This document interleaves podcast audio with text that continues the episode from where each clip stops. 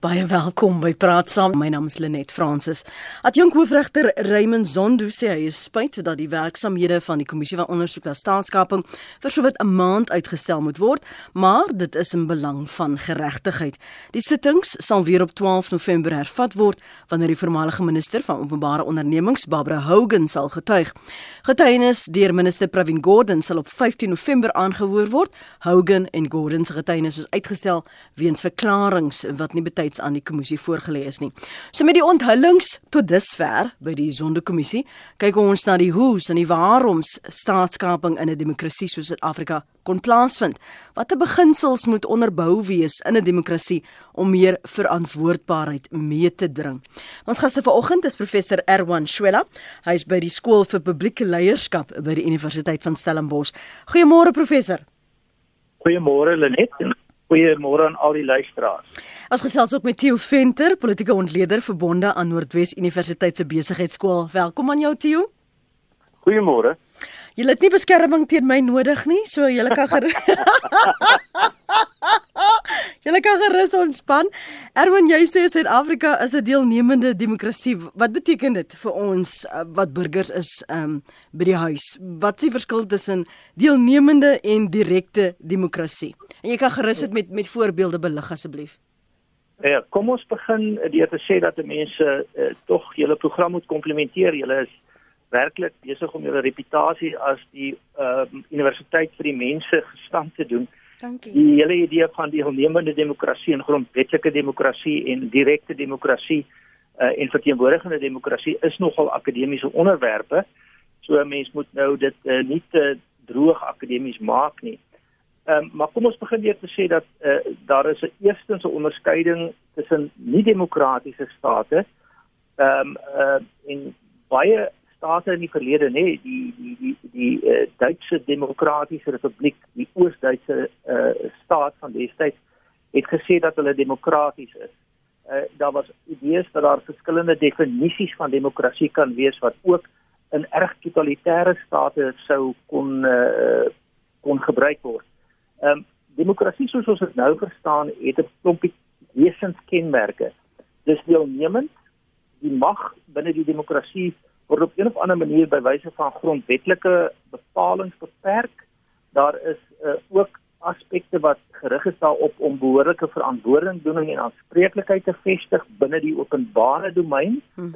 En uiteindelik is die idee dat die demokrasie ehm um, wat grondwetlik is, deelnemend is, ehm um, beraadslagend is dan die burgers van die land dien. So ehm um, direkte demokrasie ehm um, is moeilik. In die sin dat as 'n mens aanvaar Suid-Afrika het uh, meer as uh, 50000 50 miljoen het 50 miljoen ja. 50 miljoen inwoners waarvan eh uh, sê nou maar 'n uh, groot gedeelte meer as die helfte uh, volwasse burgers is met ander woorde stemgeregtig is dan is dit nie moontlik om selfs op op, op enige denkbare wyse 'n volledige direkte demokrasie te kry nie. In kleiner lande, in Switserland en histories in plekke soos die Ateense Republiek in in in in die eh, in die antieke tyd en in in in in plekke soos in op die Forum Romani in die Romeinse uh, Republiek was dit moontlik dat mense direk kon kom en op die markplein kon kom staan met mekaar redeneer en uiteindelik stem. Daar is dus uh, groot beperkings op die idee van direkte deelnemende demokrasie tensy jy dit koppel aan meganismes sodat jy kan 'n referendum hou oor beleidsrigtinge en of jy kan 'n uh, metodes hê van waar jy 'n president kan herroep by wyse van 'n direkte uh, verteenwoordig uh, direkte um, referendum. Laastens net om te sê uh, vir die oomblik dan, um, die hele idee van digitale en ook ehm um, ehm um, kom ons sê dan maar rekenaar gebaseerde uh tegnologiese moontlikhede maak dit waarskynlik in die toekoms meer moontlik en waarskynlik om aspekte van direkte demokrasie eerder as verteenwoordigende demokrasie uh, in te stel. Want 'n mens sou dit sou denkbaar wees dat 'n mens kies en referendum en stemstelsels kan skep waar burgers by wyse van 'n uh, paar uh, uh, kliks op knoppies op hulle rekenaars kan sê dat hulle stem saam met 'n beleid of hulle keer 'n beleid af en dan natuurlik sou dit makliker word. Uh dus ehm um, die hele idee van demokrasie is 'n is 'n redelike ingewikkelde konsep. Daar's grondwetlike demokrasie en ons moet af waarskynlik aanvaar dat onder huidige omstandighede met lande die meeste lande wat relatief groot bevolkings het, gaan jy nie direkte demokrasie kry. Dit wil sê dat jy as dit ware die hmm. die die die die die, die mense op die markplein of op die op die stadsplein kan bymekaar roep en sê steek nou julle hande op en stem soos wel as waar in Athene uh, in die antieke tye gebeur het nie. Ons moet maar verteenwoordiging aanvaar en daarvan af kan ons die saak verder uitbou oor hoe dit dan bydra tot aanspreeklikheid en wat die wat die dilemma's is rondom al hierdie goed in 'n in 'n werkende demokrasie. Matteo die die wyse waarop ons dit beoefen, waarom het dit die alfa en omega geword as dit lyk asof daar gebreke is? Ja, ek dink dis 'n goeie vraag en in aansluiting by wat ehm um, my vriend Erwin sopas gesê het, moet ons onthou dat die die moderne staat en al sy geledinge het 'n het eintlik 'n geweldige komplekse entiteit geword. Um wêreldoor. Regerings is groot.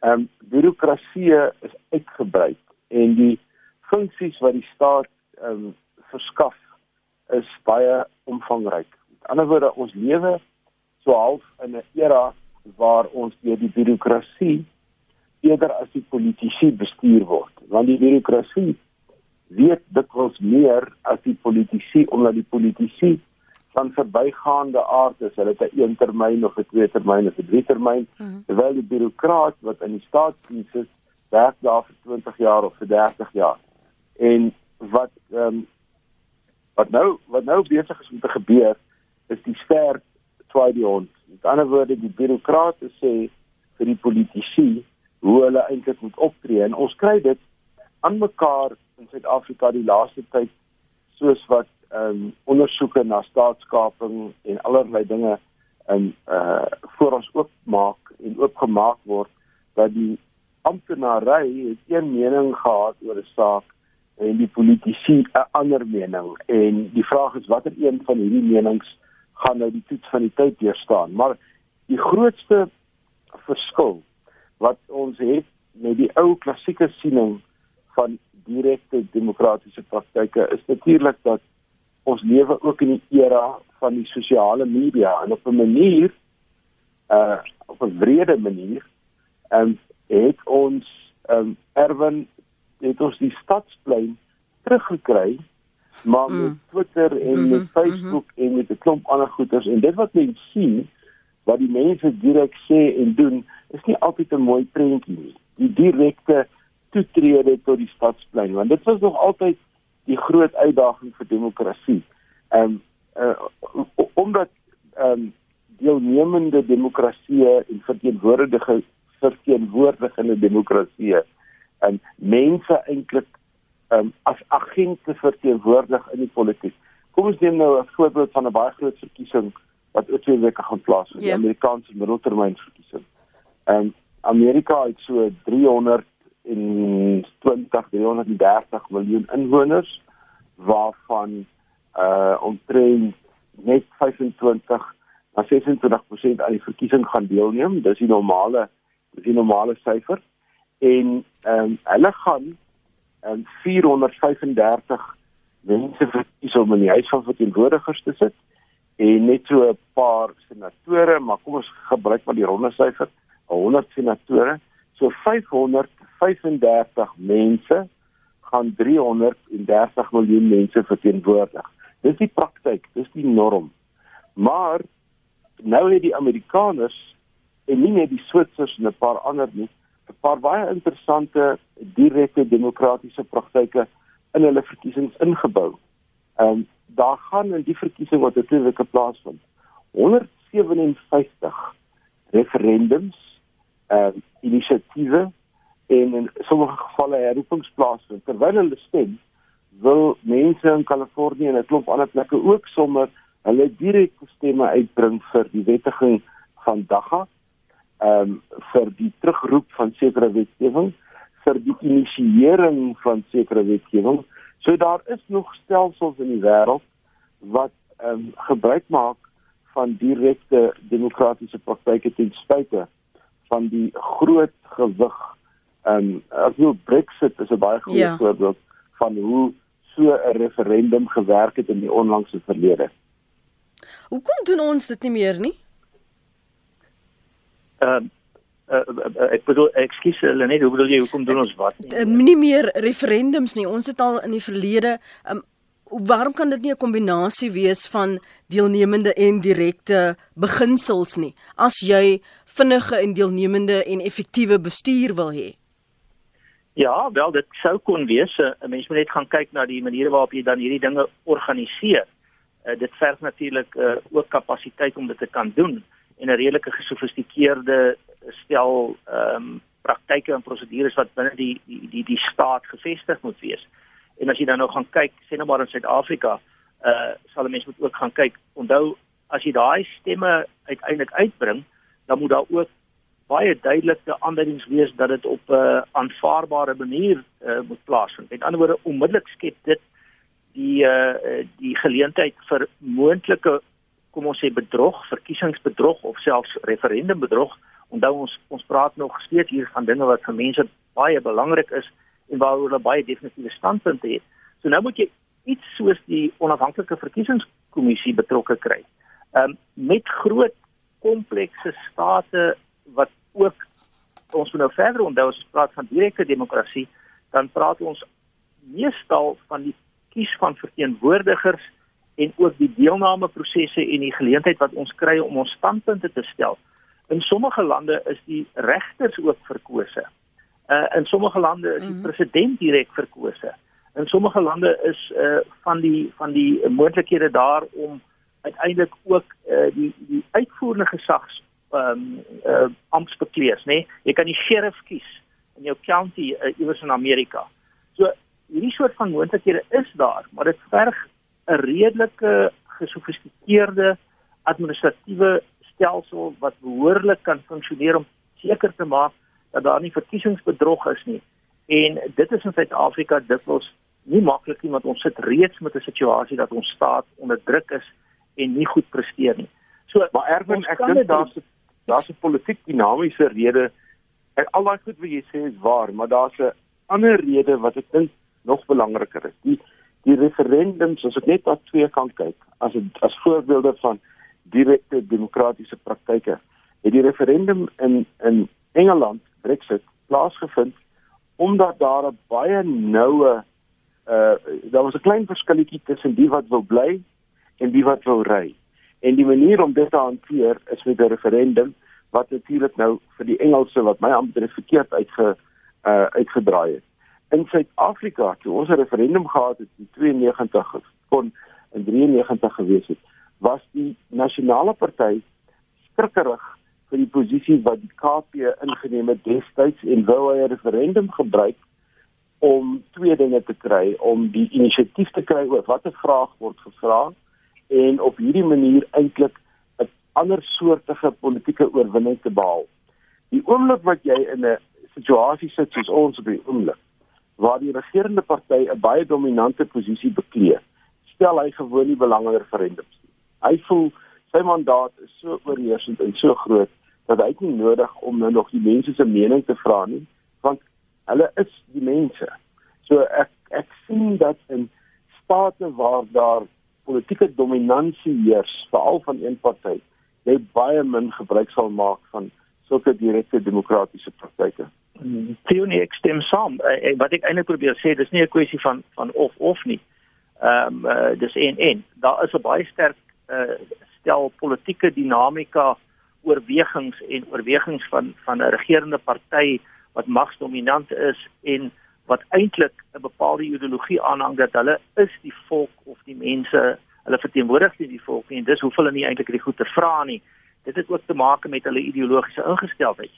Dit is 'n gegewe. Uh, Terselfdertyd, as ons sou wou om dit op 'n meer ehm um, funksionele en utilitêre wyse te doen, is dit ook nie so maklik nie.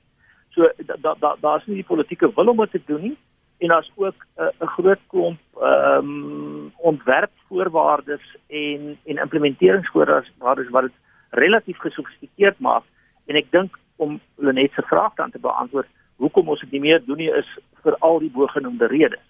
Theo, wat wat is dan die tekortkominge? Hoe met 'n uh, openbare beskermer, met 'n menseregte kommissie, met 'n nasionale vervolgingsgesag. Hoe het dit gebeur dat staatskaping letterlik die gevolg daarvan ons ekonomie meer as triljoene gekos het? Ja, dit is 'n dis 'n baie dis 'n baie interessante vraag. Die die term staatskaping word deel van ons literatuur so in die jaar 2000, so om by 2000.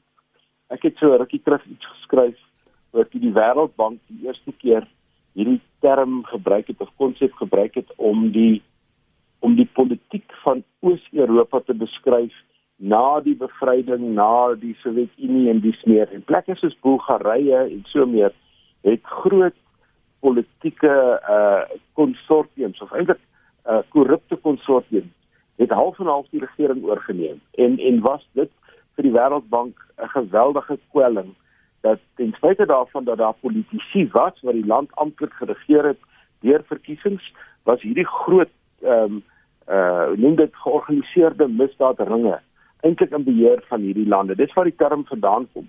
En dan hier in Suid-Afrika word dit so die eerste keer gebruik so 5, 6 jaar gelede.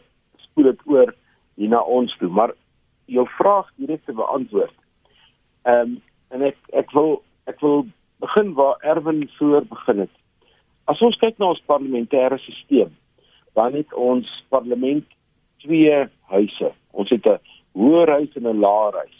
Ons noem dit die nasionale ehm um, raad van provinsies en ons noem dit dan die die die parlement of die die die die die ehm um, regerende die huis van verteenwoordigers soos die Amerikaners dit noem.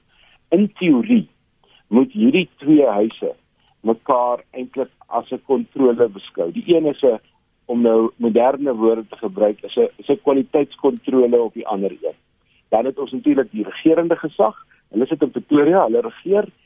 Die die wetgewende gesag moet toesien dat die uitvoerende gesag hulle werk doen en waar hulle nie hulle werk doen nie, moet hulle op die vingers getik word en waar daar niks gebeur nie, kan jy nou maar na die hof toe gaan en dan sal die hof die skeieregter wees. Maar wat gebeur nou in Suid-Afrika?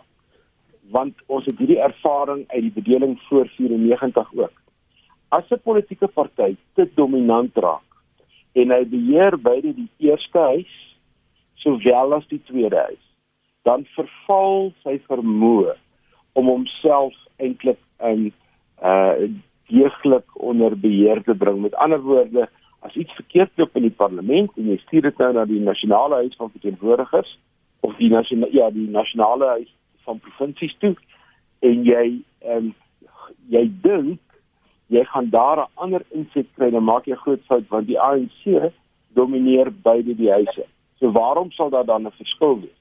En ek dink ons betaal die prys vir 'n stelsel wat genoem word 'n dominante partytelsel. Dat daar is net eenvoudig die oppositiepartye hoe sterk en hoe braaf hulle ook al opgetree het, het net eenvoudig nie die vermoë gehad hmm. om die kwessies wat ons almal geweet het aan die orde is op so 'n manier um, in die parlement te hanteer dat daar deurbrake gemaak moet word nie. Maar maar die goeie nuus is ander instellings het toe bygekom. Die media byvoorbeeld wat nie deel is van die formele regerende proses nie het eintlik die rol begin speel wat die parlement moes speel om vir die regering te sê hulle is besig om droog te maak. Ja. En so ook ehm um, georganiseerde besigheid het hier en daar sy stem laat hoor om te sê maar dit kan nie so aangaan nie. So ander ehm um, samelewingsverbande het ingegryp om in daai vakuum waar die regerende party homself eintlik nie kan kan tot orde roep nie om daar in te tree En nou vandag sit ons natuurlik vir die kommissies van ondersoek en eh uh, maar ons weet die probleem lê essensieel by sulke goed so portefeulje komitees en my laaste punt is net die die groot verskywing sien ek histories as die ehm um, hofsaak rondom Kandla. Die Kandla hofsaak in 2016 finaliteit bereik dink ek die kokes van die ANC van die dominante party skielik besef maar ons het hierdie president ondersteun ter wille van die party. Maar ons is eintlik in die moeilikheid en ons gaan iets moet doen om dinge anders te maak. En sedert in Mei 2016 kan 'n mens sien dat die portefeulje komitees dit wat hulle behoort te doen al beter doen, maar die skade ten opsigte van mm -hmm. staatskaping was toe reeds gedoen. Een van die luisteraars skryf hierso Erwin, wat is dan die verskil tussen kommunisme, sosialisme, marxisme en demokrasie? Demokrasie klink net eh, asof dit vir die gepeupel is wat regeer. Miskien as ons praat oor um, die agtergrond wat Theo nou sopas geskets het in jou inleidende kommentare as, as so ingesluit, is dit dan nou tyd om hierdie stelsel in die in die politieke stelsel wat ons beoefen om dit iets wat aan te pas. Engels praat van tweak sodat hierdie skuiwergate nie ruimte laat vir verdere kaping nie. Ons moet sê dat uh, Suid-Afrika het as uh, as 'n as die gevolg van of ehm um, na die onderhandelinge nie in 'n situasie ingegaan waar ons formeel ehm um, en die grondwet is baie duidelik daaroor 'n 'n 'n 'n kommunistiese of 'n marxistiese staat is nie. Ons het 'n uh, breedweg in ons grondwetbepalings uh baie goeie bepalinge wat werk met die idee van 'n grondwetlike demokrasie met genoeg kruiskontroles. Ehm um, die die die idee is ook dat demokrasie ehm um, is veral dan nou grondwetlike demokrasie is gevul met kruiskontroles. Die Engelse praat van uh checks and balances.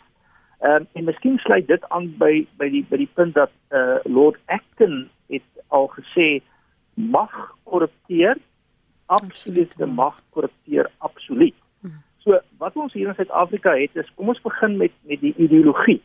Ehm um, die ideologie hier is dat ons het eintlik 'n grondwetlike demokrasie, maar op die agtergrond speel die idees van die nasionale demokratiese revolusie nog steeds by die ANC en die ANC is 'n African National Congress wat dan eintlik ook werk met konsepte van Afrika nasionalisme en wat 'n bepaalde definisie het van ons en die ander. En ons is die mense wat assosieer met uh, die ideologie van African nationalism en dan ook nog gedeeltelik met die idees van die nasionale demokratiese revolusie wat nie in die grondwet ingeskryf is nie, maar wat nog steeds 'n sterk rol speel by die party. Dit is nou wat die ideologie betref en 'n mens kan 'n paar 'n paar ehm um, ehm um, lang lesings daaroor gee. Maar dan is hier die instelling. Uh, kom ons sê dis die tweede U in hierdie in hierdie konstruksie. Die instelling sê dan nou te maak met die kruiskontroles deur die regstreekende gesag oor die uitvoerende gesag, die uitvoerende gesag wat verantwoording moet doen aan die aan die wetgewende gesag in die parlementêre komitees en parlementêre debatte. Die die die die media wat soms die vierde gesag genoem word wat mhm. kruiskontroles uitoefen. So daai instellings moet funksioneer. Die instellings moet funksioneer op grond van twee goed. Hulle moet die vermoë hê om te te te te te te werk en hulle moet ook die wil hê om te werk. Nou Suid-Afrika het ons by die instellings groot aanduidings van die faling van die instellings want die instellings as gevolg van die ideologie het die president en die staatskapers toegelaat om hulle te mislei, hulle te bedrieg en ehm um, daarmee saamgegaan. Hulle dis nie die vermoë of die wil gehad om dit om dit uh, teen te gaan nie. Uh een van die probleme met vermoë is ons het al genoeg prima facie aanduiding op die tafel dat 'n paar mense doodgewoon gearresteer aangekla en en en en, en uh uh um, um, as dit ware oranje oorpakke moet gaan dra maar die vervolgingsgesag, die valke, die polisie tree nie op nie. Ons het nie nog kommissies van ondersoek nodig uh wat baie van hierdie goed betref nie. Dis goed dat ons hulle het want hulle skep geleenthede vir onthullings en debat, maar ongelukkig is die vermoë van die strafreg stelsel. Dit wil sê vanaf die polisie deur tot tot nie die howe heeltemal nie, maar die aanklaers en die vervolgingsgesag nie goed genoeg nie. Laaste punt die derde iets. Hm. Dan het ons implementering nodig. Ehm um, hierdie hierdie hierdie hierdie ideologie dryf ons uh, in in verkeerde rigting weg van die grondwetlike demokrasie. Die instellings het nie die vermoë of die wil om op te tree nie en dan kry jy implementering wat gebrekkig is. Die president en sy klomp uh mag uh magsbroeders en susters, die kan ons misbruik en um niemand tree behoorlik op nie. Uh dit skep dan 'n vrugbare teelaarde vir hmm. staatskappe en die gebrek aan verantwoording en aanspreeklikheid wat ons kry in die finale instansie hoor daar nou 'n klompie vervolgings te wees boonbehalwe hmm. hmm. die verskeie kommissies en ons moet 'n paar mense in oranje oorpakke sien werk buite Polsmoor uh, wanneer die son taamlik warm is. Ek dink dis dalk waar ons soms onsself verloor want jy is geneig om die politieke stelsel te blameer, maar soos jy reg uitwys, dis die bestuurders van daardie stelsel wat sekere dinge toelaat. Jy het net oor gepraat Theo van die feit dat die ANC die meerderheid is, so jy kom daarmee weg want jy is in beheer, jy's die magshebber want dit is die die vraag wat herhaaldelik opkom by van ons luisteraars. Ek kyk nou weer eens na die SMS'e, die verwysing na waarom 'n Malusi Gigaba nog daar is, waarom 'n Batabile Dlamini nog daar is. Want die stelsel wat die bestuurders van hierdie stelsel bring hulle nie tot verantwoording nie, Theo? Ja, of kan hulle nie tot verantwoording bring. Hmm. Daar is daar is twee kante. Ons kom ons kom ons vat net 'n ander stelsel net om 'n bietjie perspektief te kry. 'n Rukkie terug, 2, 3 weke gelede, het 'n het 'n het 'n regter, 'n baie omstrede regter, dit gemaak na die Amerikaanse hoogste hof toe. Net Kevin Harvey se naam mm. rondom sy kop het 'n ding losgebars. Uh uiteindelik het hy met 'n paar stemme, ek dink 2, dit gemaak om 'n regter te word. En dit het net gebeur omdat die een politieke party, die Republikeinse party, absoluut hande gevat het ter wille van die party en nie omdat daar 'n sekere meriete was in wat die man gedoen het nie en hom deurgeforseer om uiteindelik nog 'n republikein, 'n konservatiewe republikein op die regbank te kry. Dit vir die politiek funksioneer. Die politiek is 'n is 'n baie interessante spel en en alhoewel daar dikwels baie buigsaamheid in in hierdie politieke spel is, kom daar periodes waar 'n politieke party eenvoudig sy mag konsolideer, sy oë toeknyp, ehm um, rookbomme gooi en in die middel deurgaan, ongeag van wat is die regte ding om te doen en wat is die aanbevole ding om te doen en wat is die moreel korrekte ding om te doen. Hulle doen dit net ter wille van die oorlewing van die party. Nou mense in die ANC sal vir jou sê Hulle moes dit al 'n paar keer gedoen het. Hulle moes al 'n paar keer hulle gewetes verkrag het oor besluite wat hulle geweet het nie die regte besluit is nie. Maar die enigste korrektief op hierdie kom ons met politieke aksie is wanneer jou oppositie sterk genoeg is om die regerende party nie toe te laat om hierdie soort ehm um, speletjie te speel met mense nie. So ek ek ek probeer maar net hierdeur sê ons moet verstaan hoe die politieke spel is en nou die politieke spel het kyk hier ander ehm, 'n um, ander dinamika as die vraag wat jy baie baie reg vra wat is reg en wat is verkeerd en hoekom kan die politici nie net gewoon die regte ding doen nie?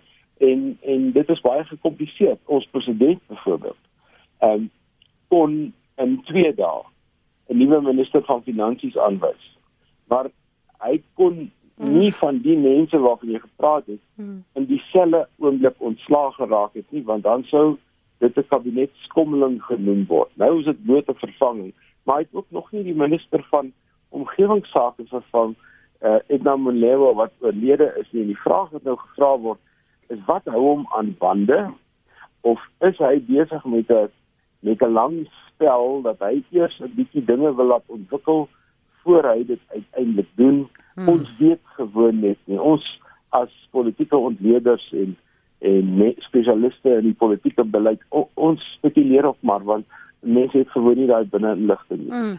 Waar die oppositiepartye en die media 'n baie sterker rol speel. Sou Ramaphosa nie kon wegkom met wat hy nou doen nie. Hmm. En dis 'n lang spel wat as jy praat van gevolge of die wat lei is die burgers en die ekonomie. Kom ons verwelkom vir Dr Pieter Mulder. Ek wil graag jou insigte hoor môre. Goeiemôre en dit is sommer so 'n interessante punt en 'n vraag in die paneel. Mm artikel 84 van die grondwet maak dit wel moontlik artikel 84 2G dat die president 'n referendum kan afkondig. Maar dan sê artikel 2 van hom die oppergesag van die grondwet, die grondwet is die hoogste gesag en enige optrede wat hiermee on, eh, on, onbestaanbaar is of ongeldig is, uh, kan kan nie gedoen word nie. Nou die vraag bevoel is nou Die mense vra mekaar vir 'n referendum oor doodstraf. Maar die grondwet het duidelik oor doodstraf en die grondwet het al iets gesê. Dit is 'n kwessie van grondontneming sonder vergoeding. Uh, kom ons vat te baie sensitief is soos gay regte. Die vraag wat ek vra is as die mense môre moet stem vir kanse burgers. ek sê vir julle gaan oor gay regte, doodstraf en en sê maar grondontneming 'n meerderheid stem waarskynlik dit wat verskil van die grondwet. Wat gebeur in so 'n situasie waar die twee met mekaar bots? Ja. Dan van ons grondwet uiteindelik dit net vir interessantheid want dit is 'n debat wat ons al baie gevoer het, ja. Mm. Ek sal graag Erwin se mening daaroor hoor. Dankie vir jou jou oproep eh, Dr. Mulder. Uh, Peer, wat sê jy? Man, goeiemôre Lenet, jou en jou gaste. Net 'n vraagie. Kom ek stel dit vir jou so ek dink die ANC en die vervolgingsgesag durf geen een van hierdie mense aankla nie. Ons sit al met 24 jaar se korrupsie, se diefstal et cetera et cetera. Niemand word aangekla nie. En die rede daarvoor is as hulle iemand sou aankla en daai noodwendig persoon noodwendig baie meer op die lappe bring as wat ons verwag. As jy sien die korrupsie gaan baie baie verder as wat ons dink. So dit is dit is nie 'n politieke wil nie. Hulle durf nie iemand aankla nie. Verstaan jy? Ek sou graag jou jou uh, jou mense se opinie daaroor hoor. Baie dankie, hoor. Dankie Peer, hy's daar op Randburg. As jy saam wil gesels, as jy welkom om daarop te reageer. Erwin, kom ek eh, verwys die vraag oor die botsende belange veral met botsend uh, met die grondwet uh, want wat die oppergesag is, uh, soos Dr Mulder uiteengesit het. Ja, Dr Mulder uh, se vraag is is is so so altyd 'n skerp analitiese en en en goed ingeligte vraag. Kyk, 'n mens moet dan vir jouself afvra wat is die die die groter waardes en wat is die mindere waardes? Dat die die die die die groter waardes is in die handves van menseregte en in die grondwet saamgevat. Ehm um, daar is reeds besluite geneem oor uh goed soos baie sensitiewe sake wat in die grondwet ingeskryf is goed soos die doodstraf. Ehm um, ehm um, binne die grondwet is ingeskryf uh aspekte wat uiteindelik ehm um, bepaalde seksuele voorkeure toelaat. Ehm um, en dan het jy soms dat die grondwet en die leiers wel bepaalde standpunte inneem waarmee hulle as dit ware die die die die volk ehm um, wil lei in 'n rigting wat hulle sien as die moreel aanvaarbare rigting en dit is dan baie sterk verskans in die grondwet en in die stelsel. En eh uh, Dr Mulder is is is is waarskynlik reg. Ehm um, Suid-Afrika het in vele opsigte nog in in al ons groeperinge 'n sterk stel konservatiewe sienings. En as jy 'n re referendum sou uitroep oor van hierdie sensitiewe sake, eh uh, is daar 'n goeie moontlikheid, ehm um, ek weet nou nie hoe groot die waarskynlikheid is nie, maar 'n goeie moontlikheid dat die dat die volk dan as dit ware stem op 'n wyse wat teen die grondwet indrys. En dit skep natuurlik 'n dilemma. Dit skep 'n 'n dilemma in terme van die ehm um, die grondwetlike situasie, dit skep 'n morele dilemma. Ehm um, en daarom is dit iets wat word dan ook heel doelbewus vermy word. Met ander woorde, eh uh, as jy sou 'n referendum hou oor die doodstraf en die meerderheid van die bevolking ehm um, sou stem teen gunste van die herinstelling van die doodstraf, dan het ons 'n groot dilemma. En dus gaan daai referendum nie plaasvind nie. Ehm um, tensy daar 'n uh, baie konservatiewe stelstandpunte inkom binne die regerende party self. Ehm um, maar in die algemeen is dit nou 'n plek waar die waar die politieke partye wel hulle self verbind het tot 'n stel moderne en dit wels ehm um, dan ook gekoppel aan westerse demokratiese standaarde en dit is dan ook internasionaal aanvaarbaar. So om af te sluit wat die punt betref, daar's 'n hele aantal van hierdie goed ehm um, wat wat wat sulke verstandste en basiese regte is geïnterpreteer deur die die nou ja, nie die volk nie, nie want die volk mag dit anders sien, maar deur 'n groep mense wat sê ons moet hier morele leiding neem en ons kan nie hier in 'n sekere sin die verantwoordelikheid oorlaat aan die volk nie want dalk besluit hulle verkeerd. En ek dink dit is 'n dit is 'n dilemma maar dit is die manier waarop dit gehanteer word en ek persoonlik is van mening dat ehm um, nou ja uh, oor hierdie goed ek mm. ek steun nie die doodstraf nie en ek is uh, oor kom anders goed dat die grondwet bepaal heeltemal gelukkig. So ek wil ook 'n referendum daaroor sien en dat dit dalk omvergewerk word nie en dit maak my dalk fundamenteel ondemokraties. En dis 'n interessante punt. Tio, wil jy gou raak aan wat Pierre van Randburg gesê het oor Uh, want ek ek dink dit kom ook ter sprake met die onderlinge wat ons nou by WBS sien en politieke leiers wat geïmpliseer word en dat dit 'n geval is van jy beskerm jou paaltjies wanneer dit ter sprake kom wanneer jy weet jy kan dalk jou wickets kan val. Ja, ek dink daar was nie 'n beter voorbeeld as uh, Dr. Mutula Mthega toe voor voor die Nkandla uitspraak was hy een van die groot groot voorpraters van president Zuma. Zuma kon niks verkeerd gedoen het en die waarheid is sê Betola Machega het selfs Getuli Madonsela wat ehm um, wat 'n unieke posisie in ons politieke proses bekleed het, ehm um, 'n uh, verskriklike moeilike tyd gegee as die openbare beskermer in die portefeulje komitee is sodat sy haar werk kan doen sodat sy genoeg begroting Geld, kon ja. kry ja. en na Nkandla is Betola Machega het heeltemal 180 grade gedraai toe hy nou sien waar die steen is. So politieke partye in die breë sal altyd eers kyk wat is ons politieke belang en hoe moet ons konsolideer en mobiliseer vir ons politieke belang voordat daar na die nasionale belang gekyk word. En dit die groot kritiek in in die, die indirekte demokrasie en verteenwoordigende demokrasie dat partybelang is baie keer groter as nasionale belang. En die die mense wat direkte demokratiese praktyke aanhang, hulle glo dat op hierdie manier kan jy die mense direk hoor en kan jy die nasionale belang deur die proses um laat laat kry. Maar ek dink om net vir die vorige gesprek op aan te sluit, Erwin is heeltemal reg op die vraag van Pieter Mulder. Dis waarom um ek van mening is dat dominante partye sal net referenda gebruik as die referendums of referenda dit wat hulle wil hê sal ondersteun. Maar as dit op een of ander manier 'n ander uitkoms in die in die in die in die in die, in die liggaam plaas, dan gaan hulle nooit referendums doen nie. So ek dink ons moet dit maar vergeet en en gebruik maak eerder van die meganismes wat die Suid-Afrikaanse stelsel nou self eintlik na vore laat kom het. Soos ondersoekende joernaliste en kommissies van ondersoek. Dis langer, dit is minder bevredigend, maar uiteindelik gaan ons die antwoord kry. So waarom help ons om te verstaan hoe hoe gemaklik soms hierdie konsep van 'n demokrasie misbruik kan word. Um julle sal sien ons buurstate wanneer daar 'n verkiesing was, dan word daar gesê maar dit was 'n demokratiese proses. En dan weet ons hier onder op die grond het die duiwel rondgedans en is die prosesse gemanipuleer. Sê ons al te dikwels en skuil ons dan agter hierdie konsep van demokrasie solank die die die uitslag vir ons pas erwin. Ja, daar's 'n mooi grappie wat soms uh, oor verkiesings gebruik word en dit is dat in sommige state is verkiesings so goed georganiseer en effektief dat jy die uitslae kry 14 dae voor die verkiesing. Um, wat uh, aan ander van hoe dit gemanipuleer word. word ja. uh, uh, uh, demokrasie is is is definitief nie 'n perfekte stelsel nie. Ehm um, daar's verskillende definisies van demokrasie.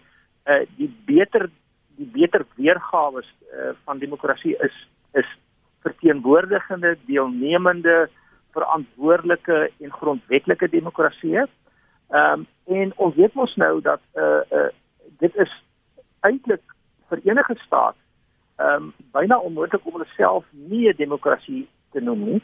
Ehm um, en dan het hulle 'n bepaalde definisie gekoppel aan demokrasie.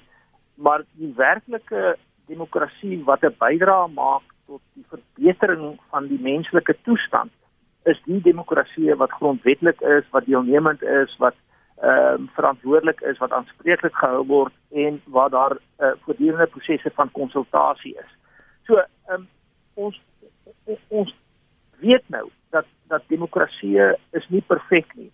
Maar wat hulle wel skep is, hulle skep 'n baie komplekse stel interverwantskappe en 'n dinamika wat daar toegemate is van korreksie of selfkorrigering. Mm -hmm. En 'n sekere sin is hulle lerende organisasies.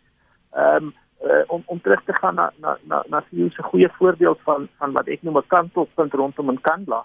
Ehm um, dit is waarskynlik sodat geen president in die toekoms weer na aanleiding van wat toe wel gebeur het ehm um, na die Nkandla skandaal ehm um, uh, ooit weer 'n huis van ongeveer 250 miljoen rand vir homself of vir haarself op op op op, op hulle ehm um, stamgrond sal bou nie. Want uiteindelik is die lesse geleer dat dit laat jou jy kan weer wegkom vir 'n ruk, maar oor tyd as die as die die stelsel goed funksioneer, gaan jy nie daarmee wegkom. En president Zuma nou 'n uh, uh, voormalige president Zuma dink ek leer daai les nou op 'n harde manier. Daar was op was, was op 'n stadium wat hy glad nie hierdie onderskeidings gemaak het nie. Maar hy leer dit nou op 'n harde manier. So wat ek eintlik wil sê is is demokrasie is nie perfek nie, maar is die beste wat ons het en ons moet daarmee werk um, en op 'n of ander manier ons demokrasie en ons grondwetlike demokrasie ondersteun en uitbou en laaste punt wat dit betref, ons is 'n relatief jong demokrasie. Dit is altyd my interessant om om te sê 'n mens vergeet dat ehm um, jy die Tweede Wêreldoorlog uh, waarby Nazi Duitsland en 'n klomp ander fasistiese en regse populistiese state betrokke was, het eintlik maar in 1945 geëindig. Suid-Afrika uh, en na na eeue van van van ehm um, ehm um, 'n verskeidenheid kwessies rondom demokratiese vestiging ook in Europa. Ehm um, wat nou as 'n voorbeeld van demokrasie en grondwetlike demokrasie beskou word. Suid-Afrika is sedert 1994 en as jy die grondwet kyk is 1996 werklike demokratiese staat. So ons het 'n styl leerproses en 'n styl leerkurwe, maar ek is oortuig dis 'n opwaartse kurwe en dat dit met ons uh, ook oor tyd veel beter sal gaan. Kom ons hoor gou wat sê anoniem, dis waarskynlik die laaste inbeller indien Jody nog iemand anders het wat 'n punt wil maak anoniem in die ooskap môre. Goeiemôre. Praat gerus asseblief. Ehm um, dame ek net hoor al die opmerkings wat die mense maak. Is vir my Grieks. En ek gaan dit weer sê ek het al van tevore vir jou gesê, daar kom niemand so voorberei na 'n vergadering of 'n bespreking as jy self nie. Maar jy het nou die dag gesê bogger rond. Dit gaan af by jou status en die voorbereiding nie. Nou gaan ek jou sê ek gaan bogger rond teruggaan.